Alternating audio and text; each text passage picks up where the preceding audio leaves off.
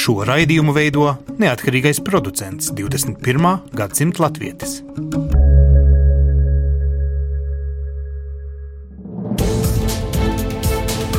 Septiņas dienas Eiropā piedāvā Eiropas radiotīkls Eironet.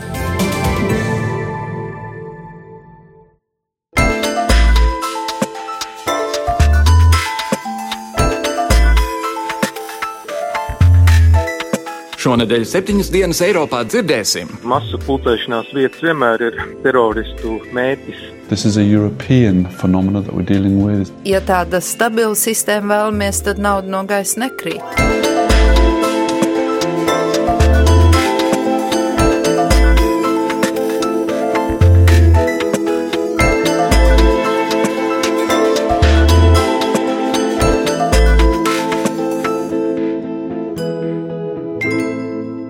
Labdien, godējamie klausītāji! Latvijas radio studijā Kārlis Streips esiet sveicināti jaunākajā septiņas dienas Eiropā. Obama, Merkele, Putins, Staļins, Hitlers un tagad arī Donalds Trumps. Žurnāls Time Amerikā jau 90. reizi izsludinājis gada cilvēka titulu ieguvēju. Protams, Trumpam piešķirtais gods izraisīs protestus un pārmetumus, un tālāk žurnālam nācies atgādināt, ka tituls nepienākas gada iemīļotākajam cilvēkam, bet gan tai personai, kura vislielākā mērā, labā vai sliktā nozīmē ietekmējis gada notikumus.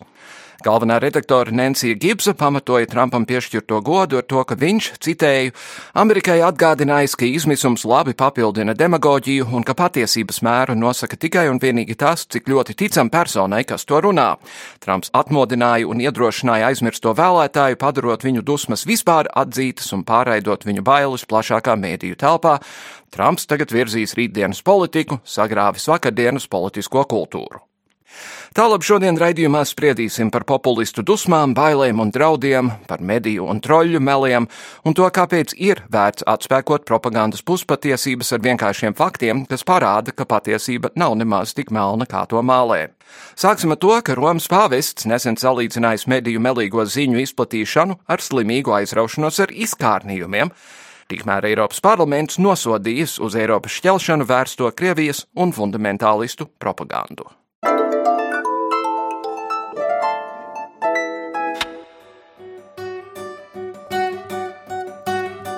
Daudz šobrīd tiek spriests par to, kā cilvēki mūsdienās piekļūst informācijai, un par to, cik patērētājs spēj izvērtēt informācijas patiesumu. Atklātā intervijā Beļģijas katoļu iknedēļas izdevumam Tercio pāvests Francisks salīdzināja mediju apmācību ar skandāliem un puspatiesībām ar koprofīliju vai nenormālu aizraušanos ar fekālijām. Viņš turpināja šo analoģiju, norādot, ka arī sabiedrība mīl patērēt šos produktus. Tas ir kaitīgi un tas ir grēks. Nevaram gaidīt, ka cilvēki varēs nopietni spriest par kādu situāciju, ja mēdītais sniedz tikai daļu no patiesības, daļu noklusējot. Tā ir dezinformācija. Tā medija dara mums pāri. Tiek veidoti uzskati, kas balstās tikai daļā patiesības. Tā pāvests Francisks. Papildus pēdējā laika viltus vai pseidoziņu izplatībai, analītiķi arī kritizē sociālo mediju platformas, piemēram, Facebook, kur veidojas tādas kā atbalsta telpas, kur cilvēki ilgstoši uzturas tikai savu uzskatu atskaņās, nesaskaroties ar daudzpusīgu argumentāciju. ASV pseidoziņu propagandas un dezinformācijas plašā ietekme tiek rūpīgāk pētīta kopš prezidenta vēlēšanām.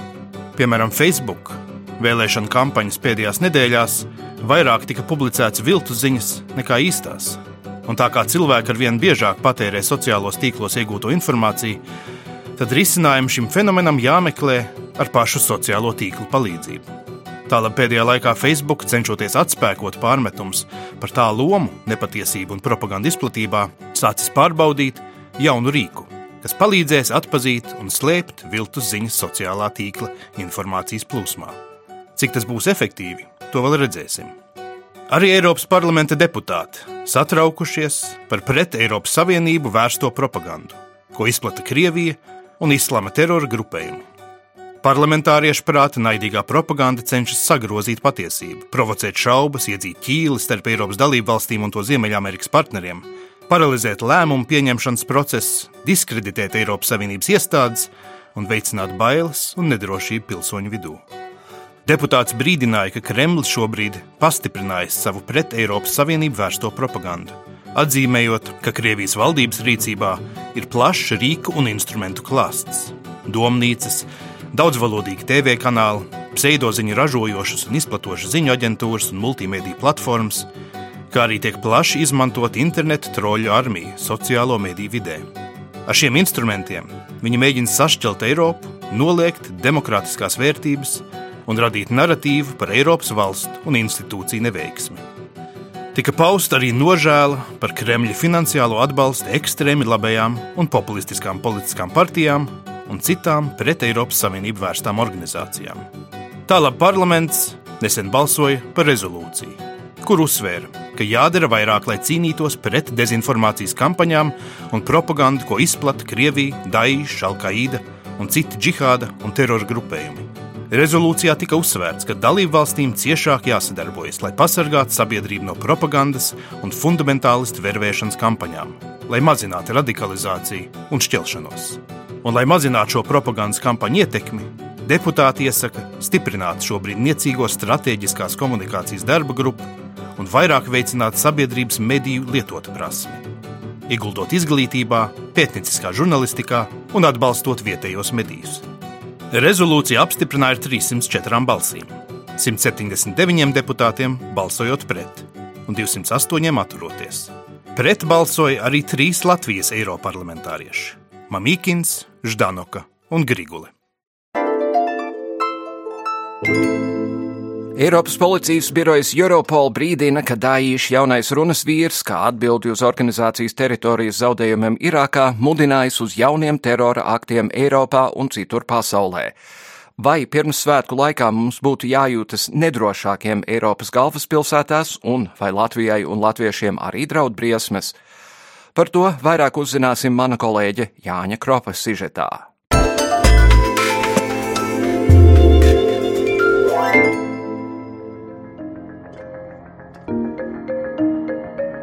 Tuvojas Ziemassvētki, kad visa kristīgā pasaule svinēs vienus no gada svarīgākajiem reliģiskajiem svētkiem, un šajā laikā Eiropas drošības iestāde Eiropols ir brīdinājusi, ka šogad atkal pastāv augsts risks teroraktiem no radikālajām islāma organizācijām.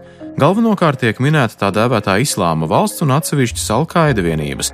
Eiropola direktors Robs Vainreits ir brīdinājis, ka risku līmeni apliecina galveno radikāļu runas vīru vēstījumi.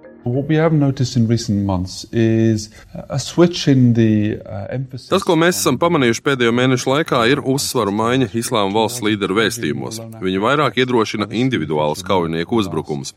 Iemesls tam ir noteikti ciešākā drošības kontrole, ko Eiropa veic pēc vairākiem uzbrukumiem. Islāma valsts apzinās, ka viņiem ir mazākas iespējas veikt veiksmīgus, plašs mērogu uzbrukumus. Tāpat mēs esam novērojuši, ka ievērojami palielinās saistības starp organizēto noziedzību un terorismu. Daudziem no kaujiniekiem ir krimināla pagātne, un tas liek vairāk analizēt arī policijas kartotēkas, ne tikai pretizlūkošanas savāktos datus. Francija, Vācija, apvienotā karaliste un Beļģija, protams, ir ticamākie mērķi, bet jāapzinās, ka vientuļie uzbrucēji pārstāv daudzas Eiropas valstis. Viņu izvēle var krist te uz katru no Eiropas zemēm. Tas ir Eiropas fenomens, un mums jāspēj kopā novērst iespējamus draudus jebkurā vietā. To deal with the threat. Rīgas Stradiņa Universitātes pasniedzējs un Latvijas ārpolitikas institūta pētnieks Māris Anģāns bez jau pieminētās Francijas, Vācijas un Beļģijas pie potenciālajām riska valstīm piemin arī Zviedriju. Tās ir valstis, kurās ievērojami liela musulmaņu daļa ir radikalizējusies. Tieši teritoriju trūkums tuvajos austrumos padara šo gadu par īpaši bīstamu potenciāliem uzbrukumiem, jo Irākā un Sīrijā paliek aizvien mazāk vietas, kuras kontrolē Islāma valsts. Domāju, ka brīdinājums ir vietā, un tur ir vairāk apstākļi. Viens ir tas, ka masu pulcēšanās vietas vienmēr ir teroristu mēķis, kuri vēlas radīt pēc iespējas lielāku kaitējumu civiliedzīvotājiem parasti un pēc iespējas vairāk cilvēks iebiedēt. Pastiprinoši apstākļus, protams, ir kristīgās tradīcijas, kurās balstās Ziemassvētki, un šeit jāņem vērā, ka radikālie islāmisti kristieši neuzskata par ticīgajiem. Papildus tam arī konflikts Irākā un Sīrijā, kā attīstās. Tā sauktā Islāma valsts zaudē savas teritorijas, ir sākt uzbrukums gan Mosulai, lielākajai pilsētai. Šīs teroristiskās grupas kontrolē tāpat arī Rakai, kas ir pašpasludinātā galvaspilsētā. Tāpat laikā jānorāda uz zinām pretrunu, jo teroristi cenšas pārsteigt tajās vietās un laikos, kur tas tiek vismazāk gaidīts. Līdz ar to, protams, riski ir, bet tas neizslēdz to, ka tiek izvēlēti citi laika un objekti. Par zaudējumiem, ko Islāma valsts cieš Sīrijā un Irākā, savā brīdinājumā minējis arī Eiropola direktors. Viņš ir bažīgs, ka daļai starptautisko kaujinieku būs vēlme pamest tuvos austrumus, un fenomenāli viņu vidū ir arī daudz eiropiešu. Mūs satrauc tas, cik lielā mērā Islāma valsts ir sažņaukta kaujas laukā Sīrijā un Irākā. Tas var izraisīt kaujinieku atgriešanos, domājot tos eiropiešus, kas karo viņu rindās. Un, protams, ja šie cilvēki atgriezīsies mūsu sabiedrībā, viņi radīs noteiktus draudus. Tāpēc mēs cenšamies šos cilvēkus identificēt, lai viņiem nebūtu iespēja veikt teroraktus. To, ka nav vienas draudu formas, uzsver arī Māris Anģāns. Šī gada notikumi ir parādījuši, cik dažādi ir riski, kurus nākas analizēt drošības iestādēm. Potenciālie uzbrucēji var būt speciāli apmācīti vai arī vienkārši uzrunāti caur propagandas rīkiem, kā vienus tā otrus ir ļoti grūti atrast. Viens ir speciāli iesūtītie cilvēki, kā tas bija Parīzes teroraktos, kur bija konkrētas pazīmes un pēdas, ka daļa no teroristiem bija ieradušies kā bēgļi. Līdz ar to viens ir, kas cilvēki speciāli sagatavot, otrs, ka potenciālai teroristi ir iedvesmojušies. Tā sauktie vientuļie vilki, kas uh, ir uzklausījuši propagandas ziņojumus internetā, citviet un kas vēlas atbildēt uz šiem ziņojumiem un palīdzēt tā sauktā islāma valstī. Vientuļie vilki vienmēr ir visgrūtāk izskaidrojami un atklājami, un, un tāda iespēja, diemžēl, pastāv. Mm, jā, un tas, ka daudz eiropiešu karo islāma valsts rindās, nozīmē arī to, ka viņi ātrāk vai vēlāk mēģinās atgriezties Eiropā. Un ir jau vairākās valstīs bijuši tiesas procesi, kur ir notiesāti cilvēki par dalību šajā konfliktā. Tāpat laikā ir arī cilvēki, kas nav bijuši islāma ticīgie iepriekš. Līdzīgi kā tas bijis arī acīm redzot Latvijas gadījumā, ka mēs zinām, ka viens cilvēks vismaz ir bijis, viņš ir ticis notvērts un viņa lieta šobrīd tiek skatīta attiecīgajās instancēs. Attiecīgās drošības instances šajā gadījumā ir drošības policija, kas pirms kāda laika lūdza tiesu skatīt iespēju uzsākt kriminālu lietu pret kādu jaunieti no Latvijas, kurš esot piedalījies Sīrijas konfliktā Islāma valsts rindās. Tātad šādi cilvēki ir arī Latvijā. Diemžēl drošības policija nespēja atrast kādu pārstāvi, kurš varētu izstāstīt, cik daudz darba ir jāizdara, lai izanalizētu šādus riskus. Rakstiskajā atbildē minēts, citēju, šobrīd valstī terorisma draudu līmenis joprojām ir zems un drošības policijas rīcībā Pašlaik nav informācijas, kas liecinātu par nepieciešamību to mainīt. Tāpat arī nav identificētas pazīmes, kas liecinātu par iespējamu teroristisku apdraudējumu Latvijā Ziemassvētku laikā. Vienlaikus jāapzinās, ka jebkurš paziņojums par apdraudējumiem Eiropā attiecas arī uz Latviju, jo mēs neesam atrauti no Eiropas kopējās drošības situācijas. Turklāt šādi draudi pastāv katru gadu, ne tikai šogad. Pēdējā gada laikā drošības situācija Eiropā kopumā nav būtiski uzlabojusies, kopējais terorisma draudu līmenis nemazinās, turklāt informācijas analīze ļauj prognozēt, ka tas nemazināsies arī nākamā gada laikā. Kamēr Eiropas drošības dienesti un arī Latvijas drošības policija analizē riskus Eiropā, citu valstu karavīri karo Irākā un Sīrijā. Viela pārdomām ir kāda notvērta Islāma valsts kaujinieka liecība par Islāma valsts izlūkošanas vienību EMNI. 1500 people work for EMNI. Pusotras tūkstotis cilvēku strādā Emnī labā, bet es nezinu, kā darbojas viņu savērvēšanas mehānismi. Jābūt ļoti uzticamam, lai iekļūtu viņu speciālo uzdevumu vienībā. Galvenais vienības mērķis ir atrast spiegus Irākā un Sīrijā. Tas ir vienīgais Emnī iekšējais mērķis. Ārējais mērķis ir sūtīt apmācītus cilvēkus uz jebkuru pasaules valsti, lai tur veiktu vardarbīgus uzbrukumus. Katrs izlūks saņem 50 tūkstošus eiro no EMNI, lai organizētu uzbrukumu Eiropā. Radikālo islāmistu organizācijas jau sen ir piedzīvojušas savu mainību, gluži kā Eiropas valstis vai ASV, arī radikālās organizācijas meklē jaunus veidus, kā uzrunāt sev vēlamos cilvēkus un kā radīt haosu nosacīto ienaidnieku vidū. Šiem konfliktiem nav noteikti robežu, diemžēl tas attiecas arī uz laiku un vietu, jo potenciāli uzbrucēju mērķis ir radīt pēc iespējas lielāku šoku. Tika minēts, ka Eiropas čempionāta futbolā laikā Francijā būs augsts teroraktu līmenis, kas gan par laimi nepiepildījās. Veiksme vai drošības dienestu labais darbs tas jau ir cits jautājums. Skaidrs, ka riski saglabāsies arī nākotnē, ne tikai Ziemassvētkos. Šobrīd populistu starpā populāri lamāt nespējīgas esošas valdības, kā tās netiek galā ar izaicinājumiem, kas noveduši valstis un ekonomiku līdz katastrofai, vajagot tik laist populistus pie šprices, lai tie visu glābtu un valstis atkal padarītu varenas. Tomēr, ja pievēršamies faktiem, Eurostat dati uzrāda, ka šobrīd Eirozonā bezdarbs nokrities zem 10% robežas un visā Eiropā uzrādas 8,3%. Tie ir zemākie rādītāji kopš 2009. gada. Vai beidzot lielā ekonomiskā krīze varētu būt pārvarēta?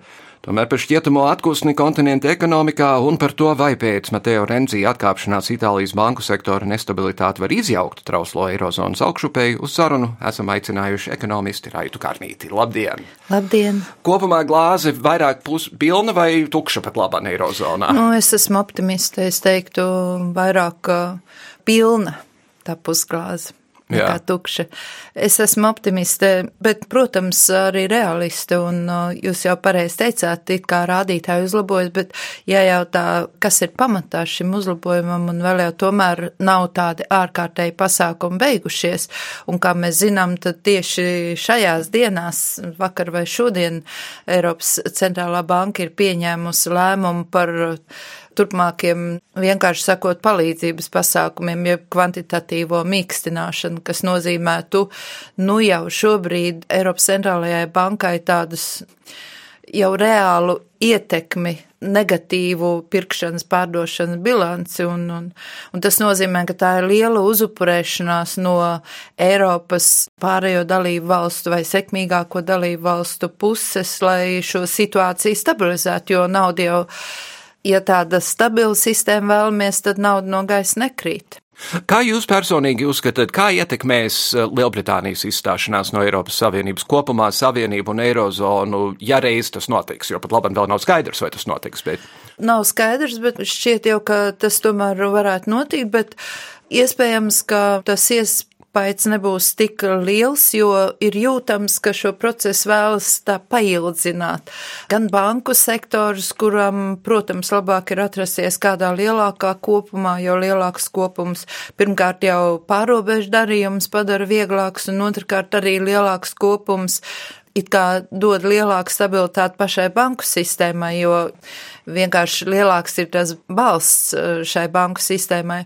Tas ir viens, novilcinot var visādi būt eh, risinājumi, var būt visādi nosacījumi, līdz ar to var arī rasties tāda situācija, ka Lielbritānija kaut arī izstājusies daudz neatšķirās no Eiropas valsts, jo šobrīd bankas ir pieprasījušas, ka viņas vēlas Eiropas Savienības regulējumu un šo te tiesiskuma kontrolu un pārbaudu un aizstāvību Eiropas Savienības līmenī vai tādu pašu. Un tas nozīmē, ka, nu, kaut arī kā juridiski ir nošķirtība, bet faktiski jau nav. Un svarīgi jau mūsdienās ir tā faktiskā nošķirtība, vai viņi ir vai nav. Tā laulības šķiršana, bet vienalga pāris turpina dzīvot kopā, jā, ērtības dēļ. Jā, vai vismaz kaimiņu istabās, jā. jā. Savukārt tas, kas notika Itālijā, noraidījums balsojums referendumā liek jautāt par to, vai Itālija tagad atkal iekritīs haosā un no tā radīsies problēmas. Un to es jautāju tādā kontekstā, ka ekonomistā ir šonedēļ lasīju, ka Grieķijā Cipras ar saviem radikālajiem populistiem tagad ir kļuvis par garlaicīgu birokrātu, kas saprot, kas ir ekonomiskās likumsakarības un tā tālāk un tā joprojām. Kas nozīmē, ka populismam saskaroties ar realitāti var būt problēmas, bet Itālijā tagad atkal būs liela nedrošība. Nu, ir tāds sakāmais, ka katrs mācās no savām kļūdām, un es domāju, ka šis process ir priekšā visās valstīs, kurās stāv priekšā liela politiska notikuma, vai no nu vēlēšanas, vai varbūt kāda referenduma, vai kādas citas lietas, jo Itālijā jau arī to visu radīja vēlēšanās izmainīt, vai nu, uzlabot, vai pasliktināt, kā nu kuram likās, jo vienmēr ir dažādi viedokļi, un tas, kur viedoklis bija stiprāks, tas, kur atbalstītāji bija stiprāk, tas arī uzvarēja. Tāpēc es domāju, ka Itāļi nenobīsies arī pamēģināt šo populistu vadības brīdi, un tad arī jājautā, vai viņi pilnībā izpratīs, ka tas nav tas, ko viņi ir gribējuši, jo šī sabiedrības reakcija ir ļoti dīvaina lieta. Mm pat es, es varētu teikt, neskatoties uz ļoti daudziem un plašiem sociologu pētījumiem par uzvedību, par uzvedības pētījumiem, politiskās attieksmes pētījumiem un ko tik visu nē, vienalga katra situācija rada citādu reakciju, un ja mēs skatāmies, ka summa ir saskaitāmo kopums, ja, tad kādi ir tie saskaitāmie, cik tur ir plus un cik tur ir mīnus, alaži ir diezgan grūti pateikt. Nu, jā. Savukārt, ja mēs runājam par bezdarba jautājumiem, dati ir tādi, kādi tie ir, bet ir jautājums arī par to, kāda veida darbs tas ir, kas cilvēkiem ir. Un jūs šodien esat atnākusi ar grafiku jaunu, kurā ir rādīts, ka Latvijā ir lielāks procents zemo algu saņēmēju nekā jebkur citur Eiropas Savienībā. Jā, tā ir pavisam jauna Eurostat ziņa, tā gan attiec uz 2014. gadu no Eurostat tā ir jauna ziņa, bet it kā mums pa veciem datiem, bet es domāju, ka īpaši jau nekāds uzlabojums nav. Un es domāju, ka politiķiem un tiem, kas uzklausa padomus, arī tā skaitā ekspertu padomus, arī tā skaitā lielo starptautisko pārnacionālo organizāciju padomus, tomēr vajadzētu biežāk ieskatīties statistikā, jo patiešām šis grafiks rāda, ka Latvijā ir visaugstākais procents cilvēku ar zemiem ienākumiem, kur par zemiem ienākumiem uzskata tādas, kas ir viena trešdaļa no vidējā. Un starpības starp augstāko un zemāko ir, ir ļoti liela, vairāki desmiti procentu daļu, kas parāda, ka nevienlīdzība pat šā Eiropā ir ļoti liela, bet kas parāda arī to, ka Latvijā visticamāk ir arī ļoti liela atšķirības ar augstākām un zemākām algām, kas līdz ar to paceļ augstāku to vidējo un rada šādu efektu. Bet tas arī rāda to, ka visas runas par to, ka Latvijas strādājošie ir pārāk dārgi, ir pilnīgas muļķības. Ir pilnīgas muļķības, ja vien mēs varam ticēt, ka šie dati ir nu, patiešām ataino patieso stāvokli. Jā, jo, protams, ir ir ēnu ekonomikas efekts, ir darba spēka nodokļi, kas drusku maina to situāciju. Jā, un pats galvenais, ka šī ēna ekonomika, lai kādas metodas un gudrs paņēmienas piedāvātu gan pētnieki, gan arī varbūt kādi konsultanti vai citu valstu pieredze, tomēr man šķiet, ka ēna ekonomikas galvenais iemesls ir tā lielā nestabilitāte, kad šodien saka vienu, rīt saka otru, jo cilvēki neusticās sistēmai, bet lai man attieksme pret sistēmu būtu godīga, godīga, un ēna ekonomika ir godīgas attieksmes jautājums, lai man attieksme pret sistēmu būtu godīga, man viņai ir jātic. Mm -hmm. Ja es neticu, vai vismaz uz savas ādas jāpārliecinās par to, ka es tomēr kaut ko arī esmu iegūsi. Un te ir tas jautājums, protams, valdība dievojās, ka nekādi nodokļi netiks pacelti nākamā gada budžetā, izņemot varbūt mikro uzņēmumu nodokli, izņemot varbūt kaut kādus tur maksājumus un tā tālāk un tā joprojām. Jā, un šeit arī ir, ja par mikro uzņēmumu nodokli runājam, šeit arī ir interesanta situācija ar pašu filozofiju ap šo nodokli, jo es konstatēju, nu, šajā te televīzijas um, sarunā, kas nesen, man liekas, trešdienas vakarā bija, ka pat uzņēmēji īsti pēc būtības nesaprot, ko šis mikro uzņēmumu nodoklis nozīmē. Viņi saka, ja mēs nemaksājam mikro uzņēmumu nodokli, tad mēs daram, radam kaitējumu mūsu vecākiem. Bet patiesībā nemaksājot mikro uzņēmumu nodokli, cilvēks rada kaitējumu pats sev savai nākotnē, savām vecumdienām. Un mikro uzņēmumu nodoklis pats par sevi nav nekas slikts, un reiz viņi ieviesa, ja izšķīrās par to, tad es uzskatu, ka viņam arī būtu jāturpinās. Tādu, kādu viņu solīja, tādam viņam arī būtu jābūt, un ieviešot viņu jau nesolīja, ka viņš pēc gada mainīsies, ne uz 15, ne uz 7, ne uz varbūt vispār slēgšanu, par to pat runa nebija. Bet, protams, ir jāizskaidro cilvēkiem, ko viņiem personīgi, viņiem, kas uzņem šo režīmu, ko tas viņiem nozīmē. Daudz uzņēmumu ir mazi un atbilst šim mikro uzņēmumu statusam, bet apzinoties tās sekas, viņi neizvēlas šo ceļu, ja tas jau nav obligāts. Un kā brīvprātīgs viņš arī varētu palikt un neradot kaitējumu šai te uzticamībai sistēmai mm -hmm. un valsts lēmumiem.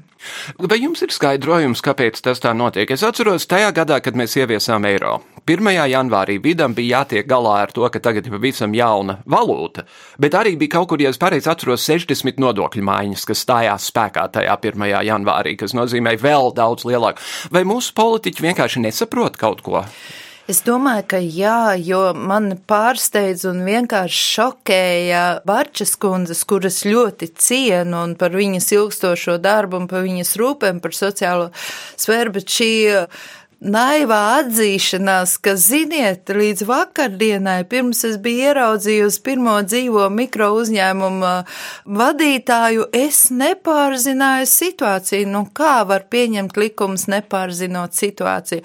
Un tagad, nu, kad es vakar uzzināju, kā nu tas ir, un paklausījos, kā šie cilvēki žēlojās, es pēkšņi vienas nakts laikā visu sapratu. Ja? Es mm -hmm. sapratu visu sistēmu, es sapratu visu seks un visu to baidos, ka tā ir ne tikai Bačs kundze, kur pieņem lēmums, un viņi ir tiešām jau ļoti solīda politiķa, un, un es tiešām ļoti cienu viņu arī kā politiķi, bet, lūk, tā arī rodas tāda lēmuma, mm -hmm. jo ļoti daudz no viņiem ir turpat pakaļ, un nav jau arī nekāda pētījuma, kas pamatot šos lēmumus ar visām sekām, kā ir un kā būs un kā nebūs, jo tieši tas, ka šie lēmumi lēmumi ir turpat pakaļ, ir tas visbriesmīgākais. Bet tā, tādā gadījumā, teiksim, mēs nevaram gaidīt, ka visi simts deputāti būs eksperti visās jomās pēc kārtas. Viņi katrs ir ar savām zināšanām un tā. Bet teorētiski taču ir, ir trīs pusējā sadarbības padome, kuri gan darba devēji, gan darba ņēmēji. Teorētiski jau cilvēki tiek aicināti uz komisiju sēdēm, nākt un skaidrot, kas viņiem ir vajadzīgs un kā to visu saprast. Jā, šajos formātos, gan trīspušu sadarbības padomē, gan arī darba grupās jau daudz kas tiek izrunāts, bet šīm formātiem nav ietekmes uz lēmumu pieņemšanu. Un tur arī ir visa tā sals. Nu, ir arī Eiropas līmenī šī problēma pastāv. Ne jau Latvija ir tik ļoti un tik ārkārtīgi unikāla. Jā, nu mēs esam vienmēr un visur tur pie beigām, kur vajadzētu būt augšā un augšā, kur vajadzētu būt apakšā.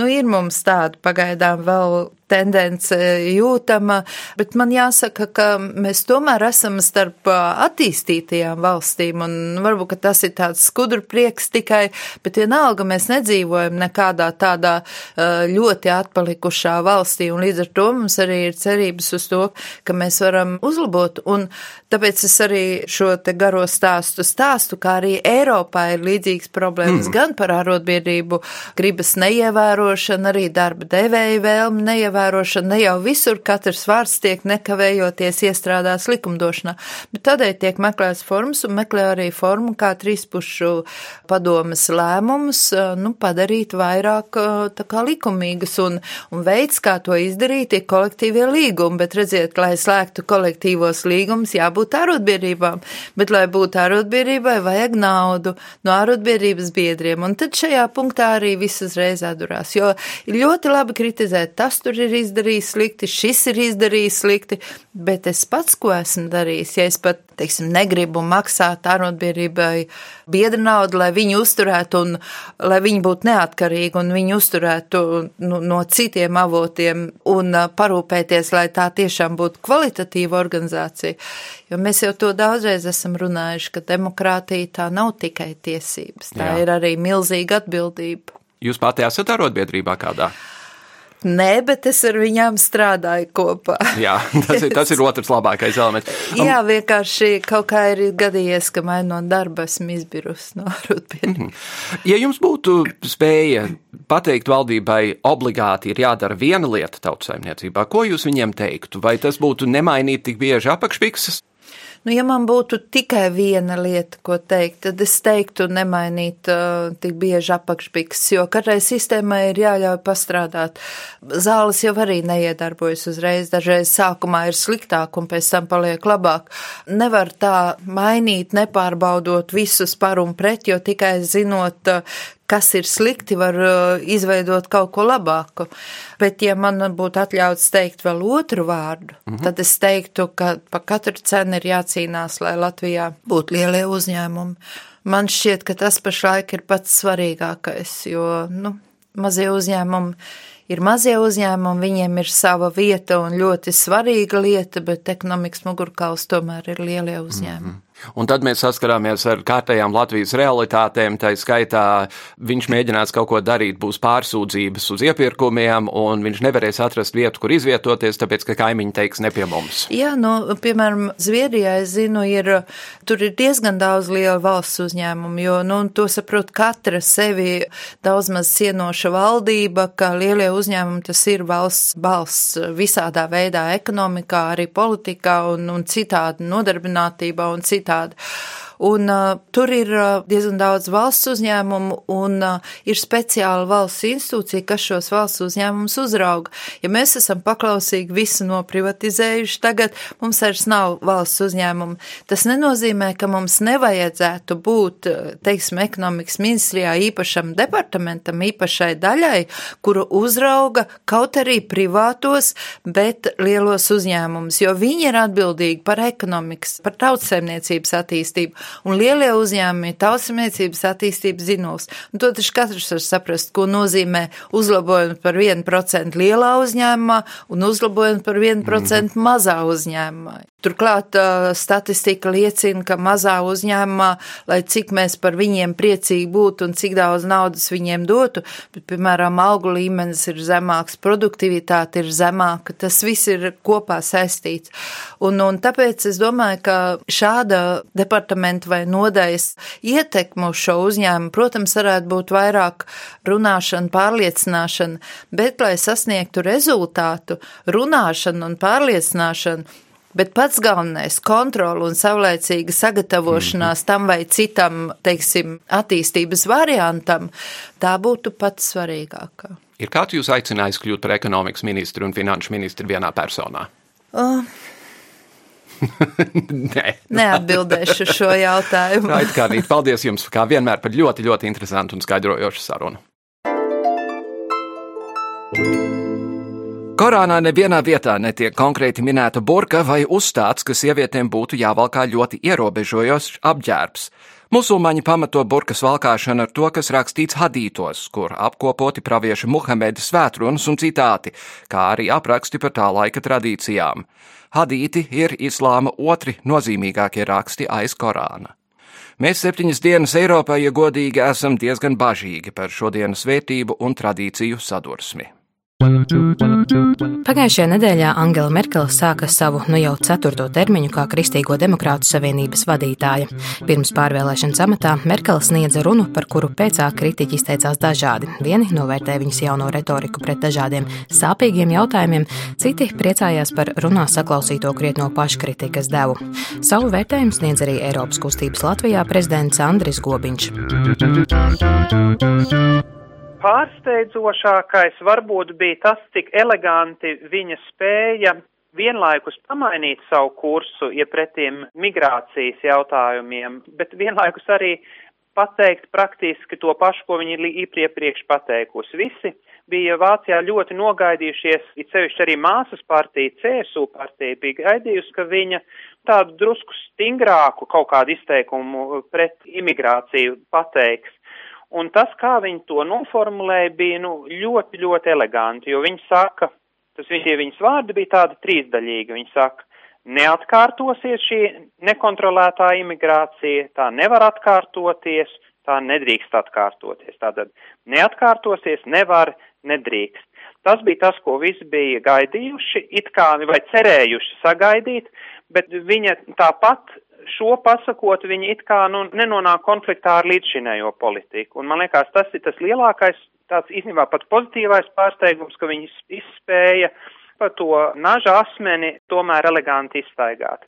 Man liekas, ka tā gatavošanās vēlēšanām šī runā bija ar tādu ļoti personīgu noti, jo uzruna bija bez milzīga lielā, teiksim, ideju lidojuma, bet viņa bija ārkārtīgi e, personīga tāda pozitīva, jo, teiksim, tie izteikumi, kas Merkelē bija, ka tas darbs, kas tiek darīts, un tā ir tā kopējā garša varbūt, vai tas iespējas tā runāja, ka tas tiek darīts dēļ mīlestības pret valsti. Viņa tieši arī šādu to formulējumu izmantoja, kas ir diezgan neparasts Vācijā.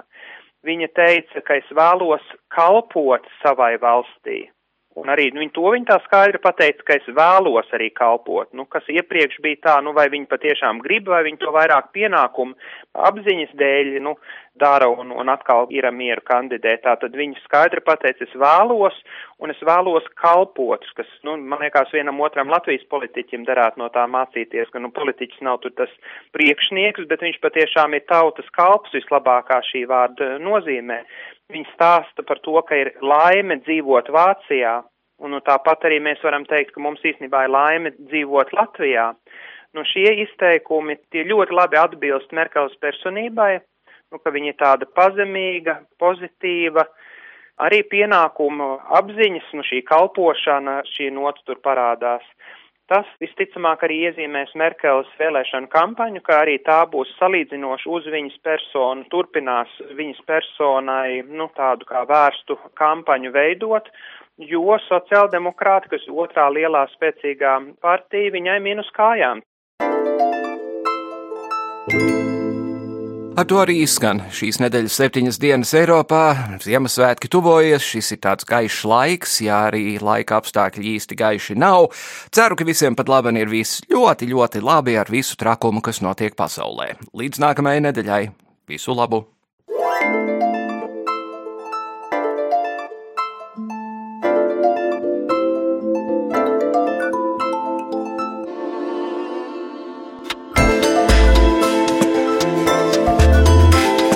Raidījumu veido Kārlis Streips, Ieva Valēne un Jānis Krops.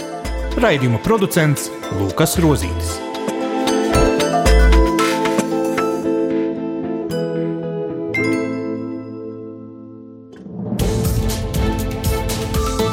Visus Eironet plus sižetus un raidījumus meklējiet Latvijas radio mājaslapā.